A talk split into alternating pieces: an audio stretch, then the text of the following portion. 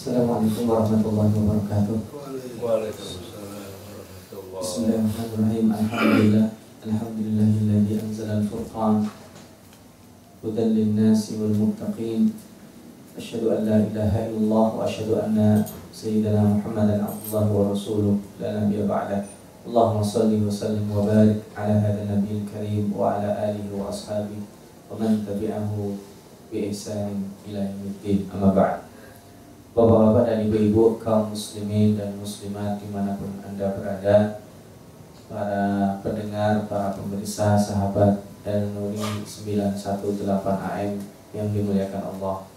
Bismillah ta'ala pagi hari ini kita berkumpul dan berjumpa di tempat ini Di sebuah majlis yang kita berharap Allah Subhanahu wa ta'ala membukakan pintu-pintu rahmat di dunia dan di akhirat Yang menjadi penyebab kita mendapatkan kasih sayang berlebih daripada Allah Subhanahu wa taala nantinya di hari kiamat. Allahumma amin.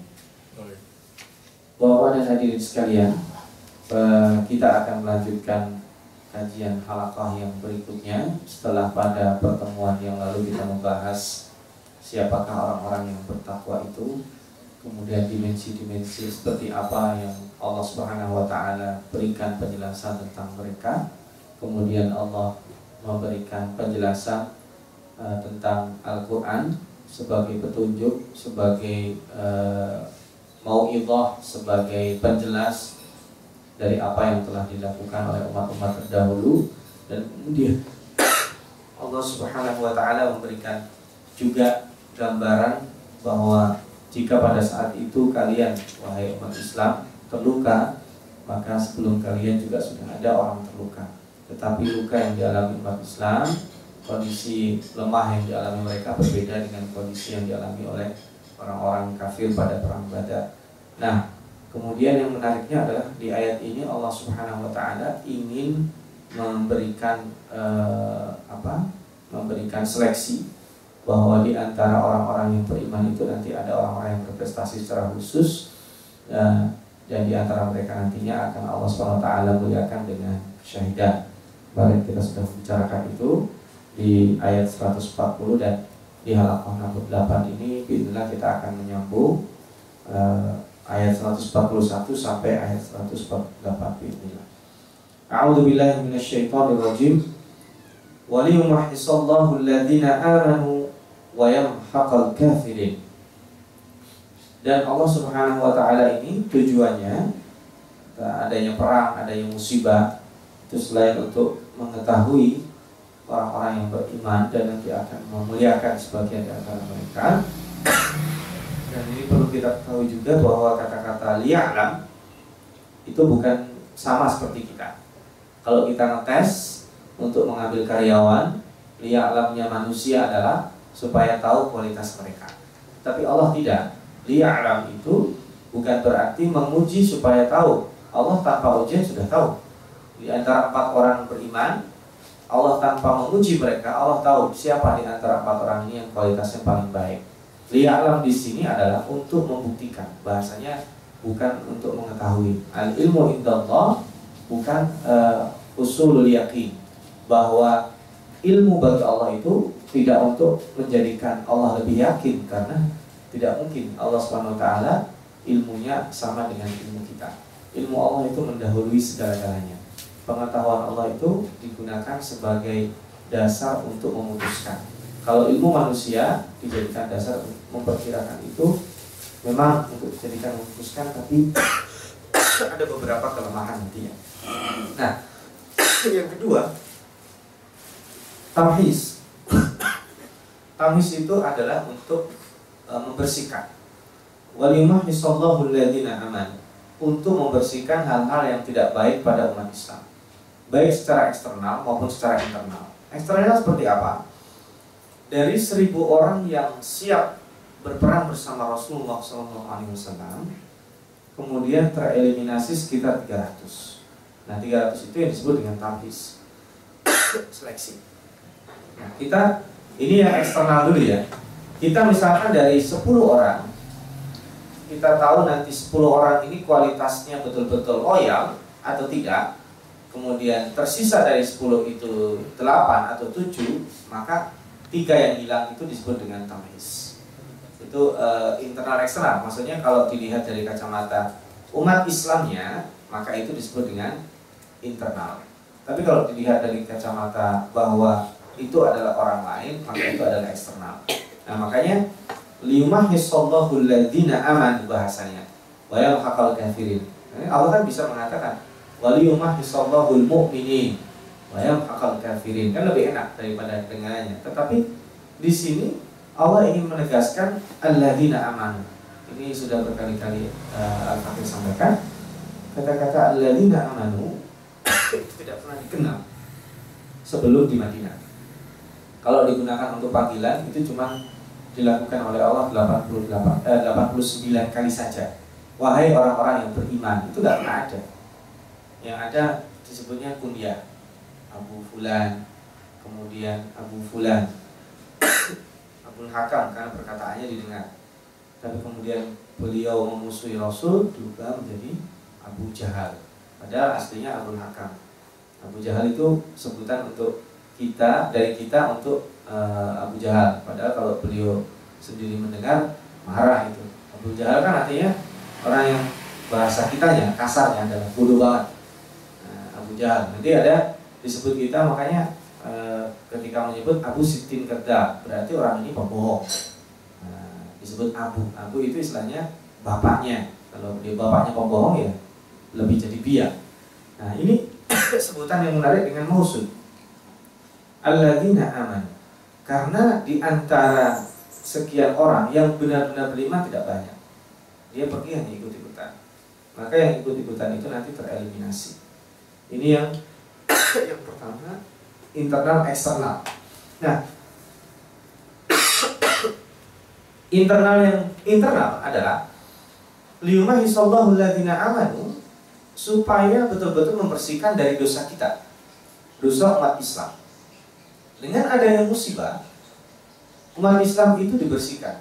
Makanya ketika seseorang itu sakit, kita kan sering mendoakan, Tohur insya Allah tohur. Tohur itu artinya bukan bukan berarti bersih, bersih suci saja, tetapi Allah sedang membersihkan anda dari dosa.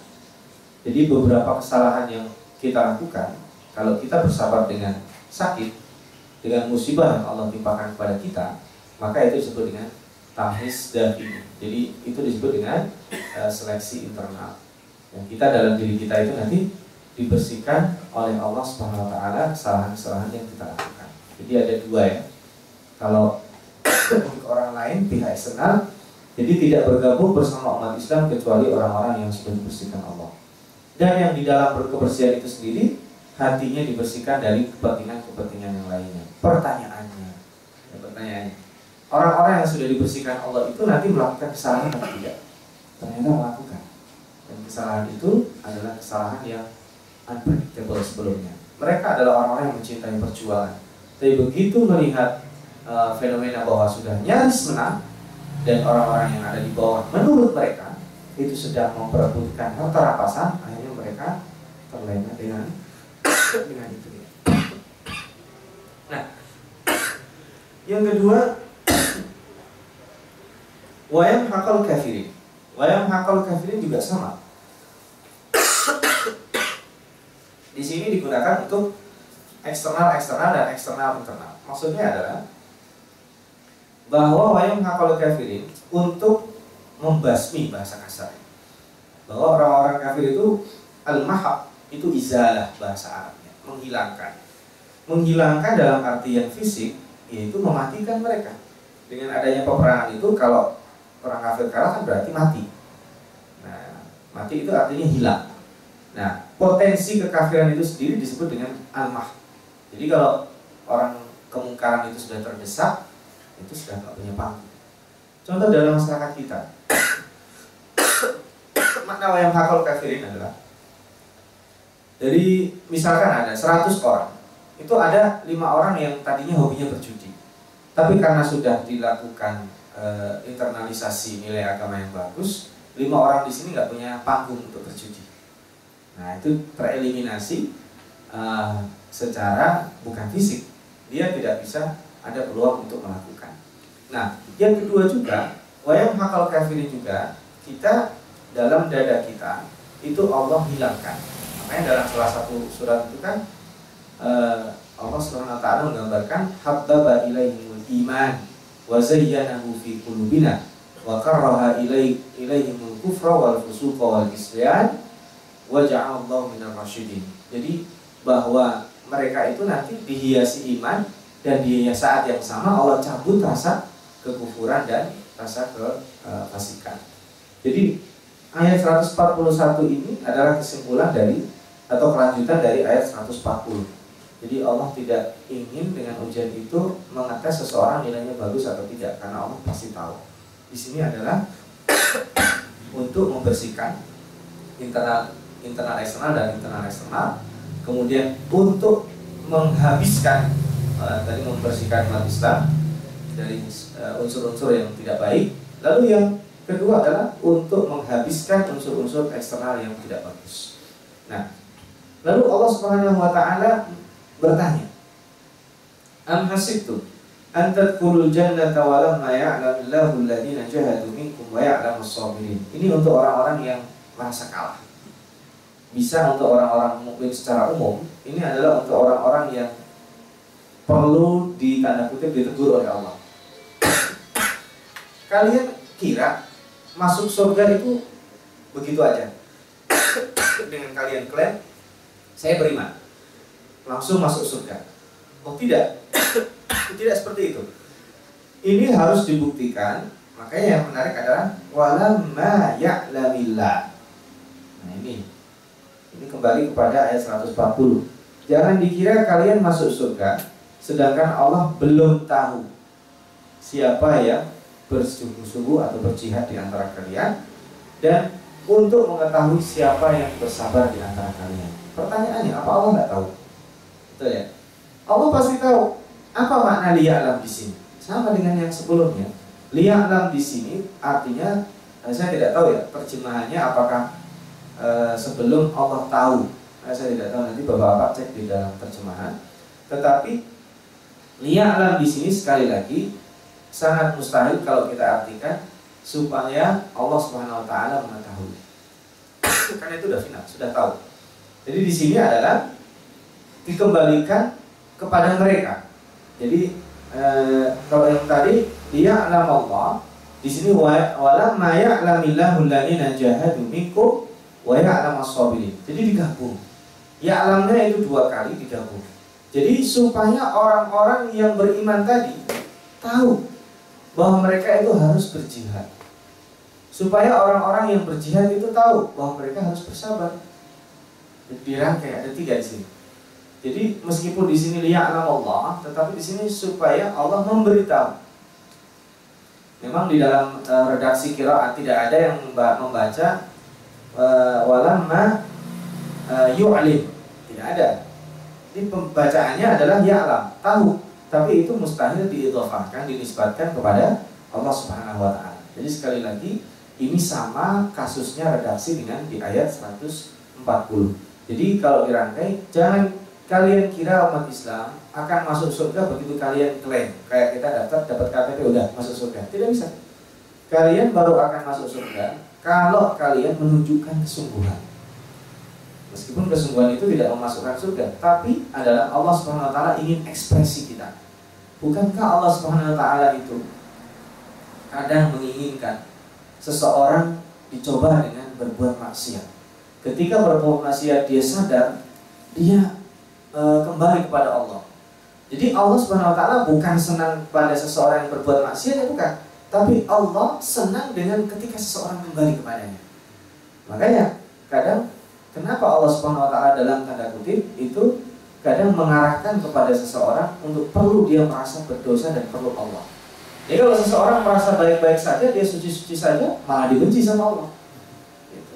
Lebih bagus lagi tanpa harus berbuat maksiat, seseorang memperbarui taubatnya. Lalu ada lagi di dalam Al-Qur'an, "Amma yujibul muttar idza da'a." Jadi seseorang yang kepepet akan dikabulkan doanya. Tidak peduli dia Islam atau tidak Islam. Nah kepepet itu adalah ketika dia tidak ada lagi sambungan yang bisa membantu kecuali Tuhan. yang dia tidak tahu bentuknya dan tidak tidak pernah meyakini. Nah itu bisa dikabulkan. Ada lagi doa ul madlum, orang yang dizalimi. Orang yang dizalimi itu dia tidak menghijab kenapa? Karena dia tidak ada tempat lagi untuk bersandar. Tidak ada backing. Ketika seseorang merasa bahwa dia tidak punya backing, itulah yang dinamakan keikhlasan. Itulah yang dinamakan tamhis tadi itu. Itulah yang dinamakan seseorang sampai kepada uh, derajat Allah Subhanahu wa taala ya'lamallah. Seorang beriman betul-betul beriman dan seorang yakin. Nah, walaqad kuntum tamannawna al-maut min qabli an talqaw. Ini juga untuk orang-orang yang tadinya latah. Ya, kita belum pernah itu ikut perang Badar. Jadi mereka tidak bisa tidak bisa merasakan uh, apa hawa yang terjadi pada saat perang Badar. Jadi mereka taman naunal maut itu kami ingin mati seperti hanya para pahlawan kan gitu kita. Kalau kita, kita mengenang jasa para pahlawan kita, Jenderal Sudirman, kemudian bagaimana uh, Pangeran Diponegoro misalnya, kita ingin seperti mereka, berjuang bersama mereka. Tapi begitu ada peperangan, ah lain cerita. Nah di situ. Makanya di sini mingkob di antal kaulu waqad ra'aitumuhu wa antum tanzurun dan begitu kalian menjumpainya, sikap kalian bisa jadi berbeda. Tanzurun itu menyaksikan bukan hanya melihat saja karena mereka ikut berperang. Kalau menyaksikan tidak ikut berperang itu lain cerita. Bahkan di dalam perang Uhud itu kemarin kita gambarkan para perempuan yang tadinya menjadi para medis, tenaga medis, ketika melihat kondisi yang demikian dahsyatnya, akhirnya dilepas. Mereka ikut uh, melindungi Rasulullah SAW secara fisik. Bayangkan, perempuan belum pernah ikut masuk berperang, kontak fisik ya. Di sini dia menjadi tameng hidup Rasulullah SAW. Meskipun itu diwakili oleh satu orang, tapi yang lain nggak mungkin tidak tidak melakukan terjun. Ini kan karena kisah heroiknya aja terekam sejarah. Tapi pertanyaannya, apakah hanya satu perempuan? Jawabannya pasti tidak mungkin. Para medis yang yang sekian banyak itu minimalnya tidak mungkin satu orang yang terjun menyelamatkan chaos yang terjadi pada waktu itu. Maka kemudian ketika terjadi, nah ayat 144 ini itu yang terjadi di kita saat ini di Indonesia. Jadi terjadi distrust terhadap media. Nah, jadi masyarakat sudah tidak percaya lagi dengan jurnalisme. Kita saat ini di Indonesia sudah sampai pada titik bahwa masyarakat tidak percaya lagi sama koran, sama televisi, sama media karena terjadi banjirnya media yang kita sudah tahu setiap media itu membawa misi dan uh, subjektivitas. Maka ketika wama Muhammadun illa rasul. Jadi ceritanya ayat ini adalah digunakan untuk menyentil mereka yang down. Pada saat perang Uhud itu sudah sampai chaos puncak-puncaknya, ada orang berteriak, "Muhammad mati." Coba bayangkan. Ini pimpinan tertinggi Muhammad mati teriak. Itu apa yang terjadi?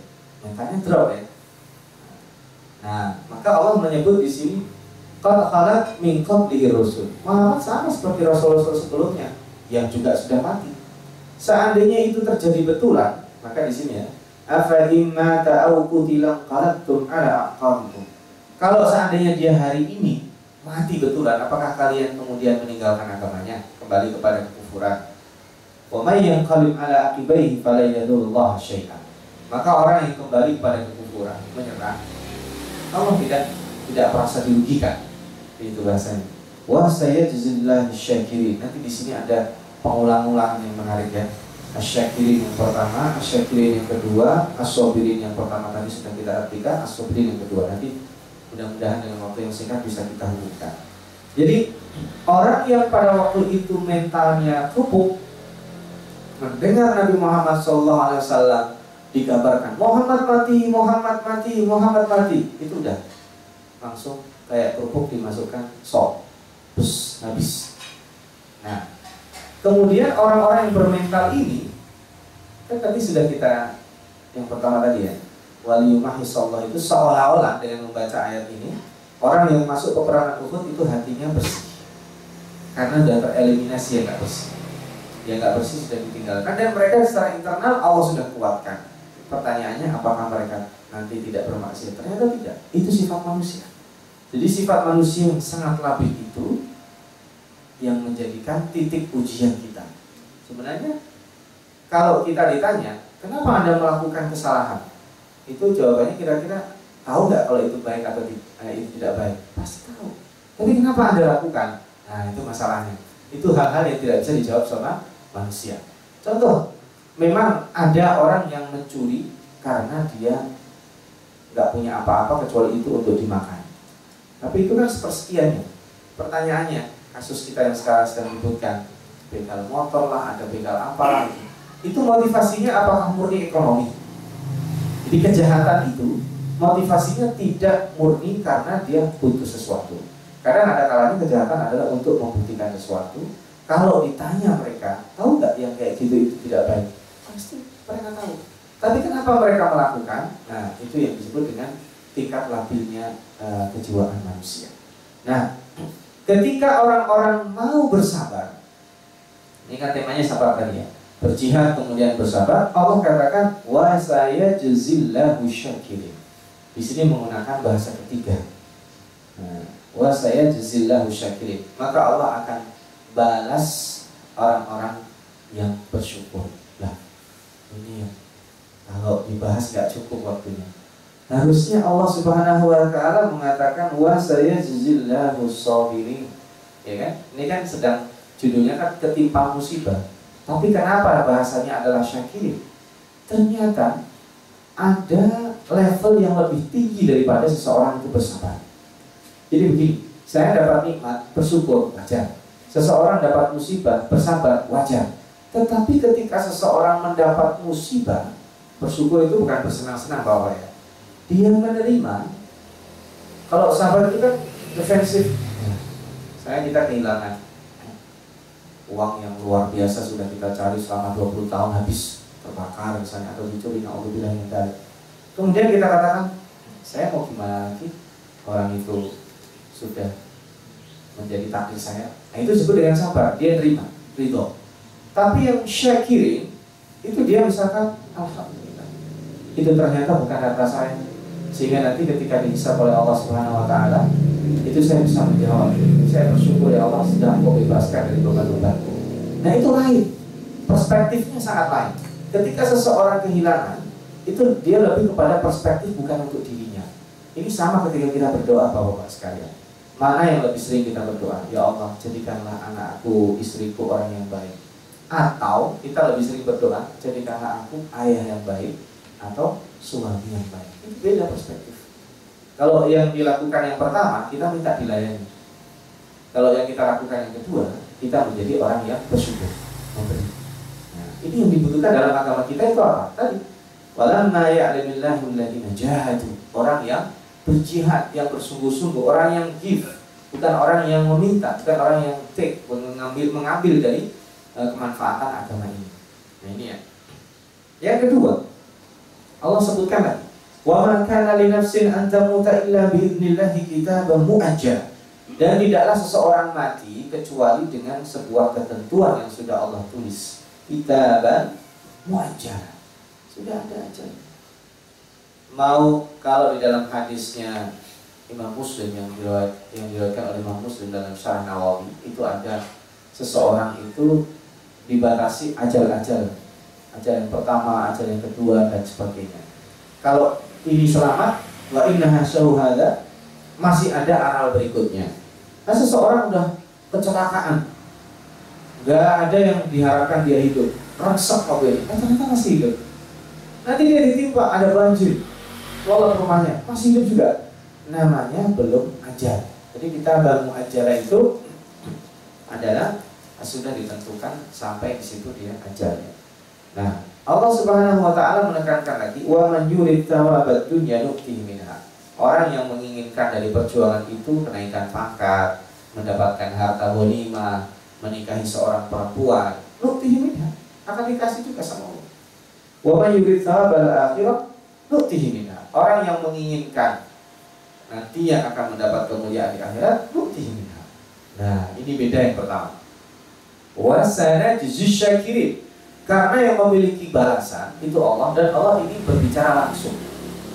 Makanya e, kalau seseorang memberikan e, gaji, memberikan upah itu lebih prefer diberikan secara langsung. Jadi kalau bisa kita punya pekerjaan, ya tentu kalau orang perusahaannya sudah karyawannya seribu ngasih langsung sendiri impor juga. Tapi kalau kita misalnya orang bekerja sama kita, sebaiknya kita sendiri yang memberikan langsung dan itu kan di, diusahakan sebelum keringatnya kering. Ya, maksudnya apa? Dia habis kerja kita kasih uh, reward. Kemudian yang kedua, najzillahu syakirin. Ini saya loh bisa bisa membayar kamu ini bisa lebih bisa mengurangi. Jadi punya kuasa penuh dan kalau kamu mengerjakan sesuai dengan apa yang saya inginkan atau mendekati, kepuasan itu akan kamu minta A, saya akan tambah B, C dan seterusnya. Itu bahasa kuasanya jazillah syakirin. Beda dengan yang pertama. Kalau yang pertama tadi beda. Dia kan kasusnya seseorang seseorang dapat ridho, kemudian Allah memberikan pahala. Titik sampai di situ. Kalau di sini langsung wasana jazillahu asyakirin. Wa ka'ayyin min nabiyyin qatala ma'ahu katsir. Dan berapa banyak di antara para nabi yang sudah ada sebelum Nabi Muhammad SAW qatala berperang bersama ya ribbiyuna katsir. Nah, ini yang menarik. Saya uh, fakir belum me mengecek lagi. Ini bahasa ribbiyun. Ini jarang dipakai di dalam Al-Qur'an. Jadi jadi kata-kata yang berdasarnya roh dan ba itu artinya hampir mirip tarbiyah atau rob ya riba itu hampir mirip mengembangkan. Jadi ribiyun kafir di sini adalah pengikut yang banyak. Jadi Nabi Muhammad itu bukan satu-satunya orang yang berperan dengan sekian orang. Sebelum itu ada. Nabi Daud ketika beliau belum jadi Nabi berperang. Meskipun orangnya sedikit tapi tetap banyak. Jadi sedikit karena dibandingkan tentaranya Jalut Nabi Yunus alaihissalam meskipun sempat dalam tanda kutip hampir kehilangan asal. Ini orang udah dikasih peringatan, udah begini-begini gak beriman. Ternyata setelah beliau ditegur oleh Allah, tidak ada orang yang tidak beriman. Dan dikatakan dalam Al-Quran itu 100 ribu umatnya beriman. Jadi banyak, banyak, tidak tidak sedikit. Ya sama seperti kita. Kenapa sih kita sekarang uh, merasa seperti tersudutkan secara politik, ekonomi, dan sebagainya. Apakah kita sedikit bahasanya apa? Banyak, banyak. Fala wahanu dan mereka tidak e, lemah. Tidak e, al wahani itu beda dengan e, istakan atau do'fu di sini. Itu disebut dari satu ya rakain. Wa ma wahanu lima asobahum fi sabilillah wa ma do'fu wa. Itu tiga jadi satu mereka tidak lemah, mereka tidak menyesal, mereka tidak merasa rugi, mereka tidak merasa hina, mereka tidak merasa ketika memilih itu disebut dengan loyalitas. Jadi tempoh hari misalnya kita jelaskan orang-orang yang membela Rasulullah SAW itu mati misalnya. Baik mati dalam artian betulan, bapaknya, ibunya, kakeknya, eh, pamannya yang tidak masuk Islam pun mati diambil oleh Allah Subhanahu Wa Taala itu tujuan secara internal supaya orang itu bergantung kepada Allah. Subhanahu Tetapi di sini yang menarik nanti pengikutnya kenapa kok? Ini yang membuat heran ya Abu Sufyan sebelum masuk Islam. Itu ketika melihat Khabab bin Adi mau disalib bingung ada orang yang rela mati demi Muhammad? Ada. Itu belum pernah disaksikan orang-orang Arab pada waktu itu. Kalaupun ada tawuran antara kabilah itu bukan berarti karena rela mati bukan karena membela nama suku. Bukan karena mati. Kalau kita sekarang tanya anak-anak tawuran itu apakah mereka mati untuk Allah? Tidak. Itu mati konyol yang sekarang itu. Karena mereka tidak tahu maknanya. Nah ini orang-orang yang tahu makna berjihad fisabilillah itu yang sekarang bisa jadi akan dimaknai salah. Kalau kita mau kayak gini nih kemudian dikaitkan dengan apa yang terjadi di di belahan bumi sana. Wah ini sedang mendoktrin calon-calon ISIS ini misalnya. Nah itu salah. Tidak ada hubungannya sama itu. ISIS itu beda dengan apa yang uh, yang kita pahami uh, sebagian besar oleh umat Islam pahami. Kita tidak bicarakan sisi itu ya, karena nanti akan melebar pada hal-hal yang tidak berkaitan dengan ayat ini. Jadi orang-orang yang berjihad visabilillah tadi ditimpa kekurangan hartanya, mereka bukan lagi kelasnya sabar, udah puas di situ. Kalau kelasnya sabar itu kelasnya orang biasa. Jadi kan kita lihat kok ada orang seperti Usman memberikan hartanya udah susah-susah berdagang. Kok ada orang seperti Abu Bakar memberikan semuanya. itulah disebut dengan menikmati perjuangan. Itu ada. Ya sama seperti orang ada orang mengeluarkan gelontoran harta untuk melindungi bisnis kotornya. Kita kan ada nggak masuk akal. Ada? Nah, memang di situ kepuasan. Ada orang membuat mem, misalkan kalau ini dalam bahasa kasarnya menyewa orang untuk membunuh. Miliaran misalnya. Bisa dia buat sekian miliar untuk hanya sekedar membunuh orang? Apa nggak sayang duitnya? Itu yang disebut kalau dalam bahasa yang positifnya wama wahanu lima asobahu. Keinginan mereka itu tidak dihitung dari yang dikeluarkan tetapi adalah visabilillahnya itu. Makanya wama dhaufu wa mastakanu wallahu yuhibbus sabirin nah yang menariknya yang kayak gini justru disebut sahabat jadi sebenarnya kalau ditanya, makanya para ulama akhirnya kebingungan mana yang paling bagus, sabar atau syukur? Kalau kita ditanya, jangankan kita, para ulama pun bingung. Kalau disebut derajat yang paling tinggi antara sabar dengan syukur mana lebih tinggi? Kita mungkin nggak bisa menjawab ya, jadi sangat abstrak. Para ulama pun berdebat tentang itu, memperselisihkan derajat yang paling tinggi itu syukur atau sabar. Kalau Ibnu Qayyim al-Jauziyah itu melihat konteksnya. Jadi kalau kita ditimpa musibah, bersabar itu biasa. Ditimpa musibah, bersyukur kepada Allah, ridho yang dalam artian biasa, tidak ada masalah. Kok Anda tidak menangis? Ya, menangis perlunya aja. Saya justru bersyukur. Nah, itu kan kalau dimaknai yang buruk, oh ini kena saya takziah sudah susah-susah sedih kok dia bersyukur. Nah, itu lain konteksnya. Tidak tidak bicarakan itu. Dia syukur itu tidak merasa uh, berat di dalam dadanya. Kalau orang kehilangan itu kemudian berat di dadanya itu derajatnya masih sabar, dia terpaksa menerima itu masih sabar. Kalau kemudian plong, nah itu disebut dengan syukur. Nah dalam kondisi ini syukur lebih bagus daripada sabar. Nah tetapi yang kedua, ketika seseorang berjihad, ketika seseorang berjihad, kemudian dia merasa aku sudah memberikan semuanya, anak-anakku aku turunkan berjihad, harta-hartaku aku berikan semuanya. Jadi terimalah ini ya Rob, bersyukur Allah ingin mengatakan, bukan, bukan itu yang aku inginkan. Kamu bersabar dalam kondisi itu lebih baik daripada bersyukur. Karena kalau dalam kondisi seperti ini bersyukur, itu kan jatuh-jatuhnya membanggakan. Bala tuzakku anfusakum huwa a'lamu biman ittaqah dalam surat An-Najm. Contoh sederhana aja. Kita merasa bahwa saya tiap hari sudah sholat berjamaah. Subuh tidak pernah ketinggalan. Kadang lebih sering dia mulai. Kemudian puasa. Ya, Alhamdulillah bersyukur Nah, kalau kita membanggakan itu, khawatir justru akan uh, istilahnya mendowngrade kualitas syukur yang sudah baik. Nah, ini bisa jadi syukurnya kalah dengan orang yang ketimpa musibah dengan kualitas ibadah yang tidak seperti itu. Makanya, wah di sini bahasa Allah, wallahu yuhibbus. Kamu jangan jangan membanggakan, udah stop. Kamu sabar tidak membanggakan amalmu. Nah, mudah-mudahan bahasa ini keterima ya uh, mudah-mudahan keterbatasan saya ini bisa mengungkapkan makna sabar yang pertama. Yang kedua beda dengan yang pertama tadi. Yang pertama uh, jihad dan bersabar. Yang kedua di sini bersabar supaya kita tidak membanggakan amal kita. Dan ini mudah-mudahan istilahnya saya sudah memberikan segala-galanya ya sekarang tolong dong gaji saya dengan yang baik balas saya dengan yang luar biasa uh, ini saya layak mendapatkan itu stop kalau itu yang kamu katakan, itu jatuhnya kamu bukan sabar, kamu membanggakan diri. Merasa dengan amal perbuatanmu, kamu jadi pahlawan. Stop. Wallahu yuhibbus artinya apa? Orang-orang yang dia berbuat segala sesuatu tapi merasa tidak tidak berbuat.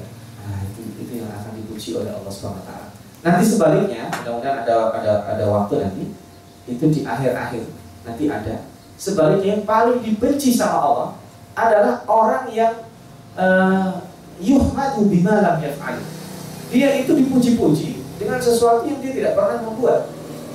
Contoh, saya buat kayak tulis ditulisin sama orang lain, tapi di atas namakan saya. Kemudian saya bangga, wah hebat kan saya. Padahal itu bukan tulisan saya. Nah itu dibenci sama Allah. Ya, beda kalau misalnya dengan keterbatasan ide-ide nah itu lain cerita. Tapi kalau itu membanggakan itu juga dibenci sama Allah. Kan ada seseorang ini gila pujian kemudian dia tidak melakukan apa-apa tapi dia tenggelam dengan puja-puji itu sebaliknya ini. Allah SWT mencintai. Wallahu yuhibbus sabirin Allah mencintai orang-orang yang bersabar. Sabar dimensinya di sini bukan lagi dimensi yang mohon maaf kelas pertama mendapatkan musibah itu sabar minimalis itu. Dapat musibah, ya nggak ada pilihan selain sabar. Saya dapat musibah dengan sabar nggak sabar musibah itu sudah terjadi. Tapi dengan musibah itu kemudian saya bersabar dan kemudian membanggakan Allah stop. Kamu harus tetap sabar. Tidak berhak kamu membanggakan kesabaranmu itu. Nah ini makna Wallahu yuhibbus sabirin. Wa ma. Orang-orang yang bersabar tadi itu, orang-orang yang bersyukur tadi itu, dua itu gabungan luar biasa. Itu tidak berharap kecuali dia berkata kepada Allah berdoa, Rabbana fil lana dzunubana wa israfana fi amrina wa tsabbit aqdamana wa. Ini doa kelihatannya sederhana tapi dahsyat. Nah, fakir singkat saja karena waktu yang sudah sangat mepet. Mereka berdoa ya Allah ampunilah kami yang diampuni apanya? Dosa-dosa. Meskipun engkau sudah membersihkan, tetap ada. Manusia tidak mungkin bersih 100% dari dosa, meskipun habis dibersihkan. Ya kayak ibaratnya seseorang yang pagi hari mandi. Ya, kenapa sore hari mandi lagi? Pertanyaannya bapak-bapak. Kenapa kita mandi di sore hari lagi? Karena terjadi kotor lagi, berkeringat lagi. Kenapa? Meskipun kita sholat duhur sudah berwudu, sholat asar masih ada wudhu, kalau kita nggak wudhu sholatnya sah? Selama belum batal sah. Tetapi kenapa disunahkan tajdidul wudhu? Ya itu disunahkan karena apa? Supaya untuk membersihkan uh, terus menerus. Wa israfana fi amrina dan sifat sikap berlebih-lebihan. Ini kalau terjemahannya Sofi, uh, saya khawatir jadi disalahpahami. Berlebih-lebihan itu dialami oleh semua orang dalam hal apa saja dia ketika bersemangat sholat hanya sholat bersemangat aja eh, tapi nggak tahan. Sehari dua hari. Habis itu libur sholatnya. Nah Allah tidak menginginkan seperti itu. Harusnya stabil. Stabil itu lebih diinginkan oleh Allah Subhanahu Wa Taala. Itu yang disebut dengan menjaga kualitas kesabaran dan menjaga kualitas kesyukuran. Jadi dua-duanya itu sangat tipis ya. Eh, mana yang lebih berkualitas. Nah yang terakhir doa yang rangkaian watabit akdamana tetapkan. Nah, itu berat itu konsisten. Ya Allah, konsistenkan aku dalam kondisi demikian. Nah, kalau itu sudah terjadi, doa yang terakhir itu sudah tinggal hasilnya. Wansurna al qawmil kafirin itu sudah kita berdoa kayak gitu atau nggak berdoa Allah akan kasih. Itu hanya sekedar ya Allah turunkan pertolonganmu. Oh sudah pasti. Seseorang umat Islam kalau kualitasnya juga kayak gitu, orang lain nggak akan berani ganggu kita. Ya, kira-kira Umar bin Khattab itu Ketika masih hidup setan juga takut. Ketika sudah mati setan juga takut. Ya kan ada orang-orang Syiah sekarang itu tidak mau memasuki uh, masjid yang di situ ada uh, jejak Umar bin Khattab. Masjidil Haram di situ Umar bin Khattab memasuki satu pintu lewat situ orang Syiah nggak mau. Nah itu kan artinya dia ditakuti pada waktu masih hidup, pada waktu meninggal juga ditakuti oleh orang-orang teman-temannya setan. Fa'atahumullah. Akhirnya Allah Subhanahu wa taala akan beri mereka thawabat dunia wa husna thawabil akhirah. Ini luar biasa. Allah akan memberikan thawabut dunia. Orang yang tidak mencari dunia dengan membabi buta, harta akan datang kepadanya. Percaya tidak percaya Bapak sekalian, kalau kita mati-matian cari harta itu nanti kayak kita mengejar bayangan kita. Kita diam, bayangannya diam kita lari, bayangannya lari. Karena kita fokus di bayangan itu. Padahal kalau kita mengejar yang lainnya, e, mengejar yang belum pasti, yaitu akhirat, maka dunia itu akan menghampiri kita. Maka Allah katakan yang berikutnya, wahusna. Karena yang lebih baik jelas di akhirat mendapatkan pahala akhirat dan kumpulan dari ini semua orang yang bersyukur, orang yang bersabar, orang yang berjihad, orang yang Eh, membuat kondisi dia itu terkondisi untuk berbuat demikian secara uh, berjamaah. Ini kesuksesan kolegial. Wallahu yuhibbul muhsinin. Ini sudah kita bahas muhsinin. Ini dua halakoh ini kan banyak kata-kata diulang yang luar biasa perlu kita uh, bisa kita membahasnya. Mutakin ini kemarin sudah diulang dua kali ya. Muhsinin yang kemarin sekali sekarang disebut lagi. Pengulangan-pengulangan yang Allah Subhanahu wa taala berikan di sini. Pertama supaya kita ingat bahwa kita ini perlu menjadi orang muhsin. Muhsin itu bukan berarti hasan. Kalau hasan jadi saya dari soleh, sholat, puasa, zakat, pulang, anak istri saya bisa baca Quran, itu disebut dengan orang soleh. Tapi musim, saya melihat ada orang, loh ini kok dia belum sholat, saya tergerak supaya dia mau sholat. Itu baru musim. Loh ini kok masih judi aja? Oh ternyata dia teriming-imingi iklan. Oh ini kok masih kayak gini saja? Dia tertipu dengan tontonan video yang seolah menggambarkan. Nah itu disebut dengan tadi itu uh, media yang sudah memframe kita. Satu hari satu malam kita banjir informasi sehingga mana yang kita saring kita tidak tahu. Sehingga di dunia yang sekarang yang dalam dunia teknologi menyebut anak-anak generasi Z. Kalau bapak-bapak ada yang lahir tahun 40 itu disebut baby boomers yang uh, media pada waktu itu ada surat kabar saja kemudian pada tahun 50-an yang lahir tahun 50-60-an itu disebut dengan uh, media pada waktu itu ada radio dan televisi hitam putih itu generasi X dan generasi saya tahun 70-an itu generasi yang orang belajar komputer belum ada uh, belum ada mouse-nya masih memakai floppy disk yang besar. Nah, sekarang itu yang sedang memimpin negara. Orang-orang yang lahir pada tahun 70-an itu sekarang banyak bekerja. Nah, kita lihat perilaku generasi-generasi anak kita yang tahun yang lahirnya tahun 2000-an ke kemari itu perilakunya sudah jauh berbeda. Jangankan bapak-bapak yang lahir tahun 40 atau 50 yang lain pada tahun 70 pun akan geleng-geleng kepala. Generasi sekarang uh, sangat berbeda.